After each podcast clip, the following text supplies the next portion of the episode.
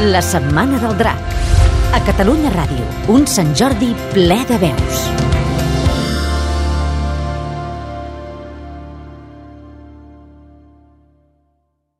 Ja n'estic tipa de tanta misèria.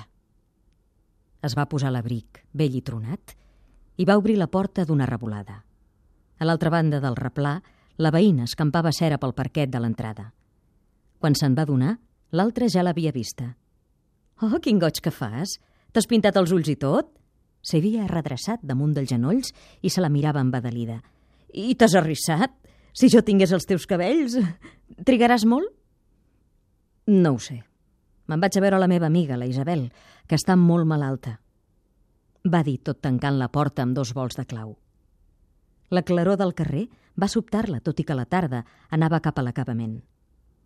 De cop, va sentir una mena de feblesa a les cames, com si la voluntat anés a abandonar-la, però estava ben decidida. Res no l'aturaria. El primer home que li va passar pel costat va fer un xiulet i es va quedar pel plantat mirant-la. Oh, M'he pintat massa els ulls. Dec semblar exactament el, el que vull semblar. En aquella hora passava poca gent pel boulevard. A la cantonada del carrer Dunkerque hi havia, com sempre, Susan, amb el carretó de les flors. Embolicava clavells en paper transparent. Ai, que no em vegi tan pintada. Tot just ho havia acabat de pensar que Susan aixecà el cap. Bon dia! No vol cap flor avui? S'haurien dit totes les del carretó. Els clavells devien ser acabats de collir i els poms rodons de les violetes de Parma semblava que esperessin senyores vestides de gris amb vels al capell perquè se les enduguessin a morir en gerros de cristall a dintre de cambres polides amb claror dolça i butaques de vellut. Després, quan tornaré a passar, va estrènyer el portamonedes buit contra el pit. La seguia algú. En un vidre d'aparador va veure l'home que feia un moment havia xiulat i s'havia girat a mirar-la. Va esperar trobar-se davant d'un altre aparador per veure'l més bé. S'hi aturà. El cor li batia i no sabia com fer-ho per mirar-se'l. Era com si els ulls li fessin nosa. Oi, se'ls havia pintat massa. Puc invitar-la a prendre alguna cosa? Havia pogut veure, malgrat l'angúnia que li feia, que era jove, prim. Duia una gabardina i un feltre verd botella. Sense contestar-li, tornà a caminar. Quan va arribar a la plaça Pigal, travessar cap al centre, mirar una estona les revistes d'un quios de diaris i es va dirigir cap al baixador del metro. Es va aturar i va repenjar l'esquena a la brana. Tot d'una, quan ja creia que havia perdut l'home que havia xiulat, el va veure que travessava el carrer. Tots els homes se la miraven. D'un gest enèrgic es va expulsar els cabells i va sentir una veu càlida ran d'orella. Vols venir? Se'l mirà fit a fit. Calcular i digué baixet, però decidida. Cinc-cents.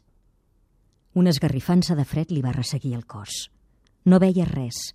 Un muscle de la cama li palpitava sense parar i el cap li feia mal. Ell la va agafar pel braç i amb una veu fosca va murmurar. Vals el doble. Mil. Estrenyia el portamonedes contra el pit. Tenia els llavis despintats una mica lívids. Amb un gest brus del cap, apartar els cabells del front i va dir, mirant les violetes, un pom, aquell de darrere de tot, és el més bonic. Susan va somriure. Agafi'l vostè mateixa. Va avançar la mà tímidament i va agafar-lo. Estava al costat de dues garbes de clavells blancs. Susan el va embolicar amb aquell paper transparent que encara feia les flors més misterioses i ella va treure bitllet de mil del portamonedes. Susan se'l mirà. No sé si tindré prou canvi. Li va donar les violetes, va agafar el bitllet i el va deixar estès damunt de les flors. Va començar a forfollar per la cartera. No, no, no, no en tinc prou. Vaig fins al forn i torno de seguida. Mentre s'esperava, una senyora es va aturar davant del carretó. Ah, a quin preu van els clavells? No ho sé, esperis un moment. La venedora ha anat a buscar canvi i tornarà de seguida. Era una senyora de mitja edat. Tenia les galtes rodones maquillades d'un color de rosa tendre. Mm, són fresques les flors avui.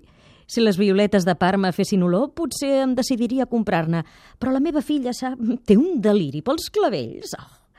És bonic el seu pom, molt car? Li anava a contestar en el moment que Susan arribava. Amb un dit es gratava la galta i tot mirant el bitllet va dir... El seu bitllet és fals, veu? Es coneix amb aquestes ratlletes. Haurien de ser ben morades i són blavoses. Si sap qui li ha donat, encara el podrà tornar. Deixar les violetes en el mateix lloc d'on les havia agafades, al costat del gran feix dels clavells blancs. Susan li va dir «No, no es preocupi, ja em pagarà un altre dia. Emporti-se-les». «No, no, no, no, no, gràcies». Caminava de pressa amb el bitllet plegat a la mà. Una glopada de líquid li pujà de l'estómac al coll, tan àcida, que li va fer tancar els ulls. Respirava amb la boca tancada, profundament. Va entrar al pis. Se sentia olor de sofregits. Devia venir del cel obert. Va ficar el bitllet a dintre d'un sobre i el va clavar amb quatre xinxetes sota el darrer calaix de l'armari mirall. Amb la mà es va tocar la galta. Bullia. Mirava la paret fixament. Mai no s'havia donat que els rams del paper tinguessin la vaga forma d'un signe. El muscle de la cama li tornava a palpitar.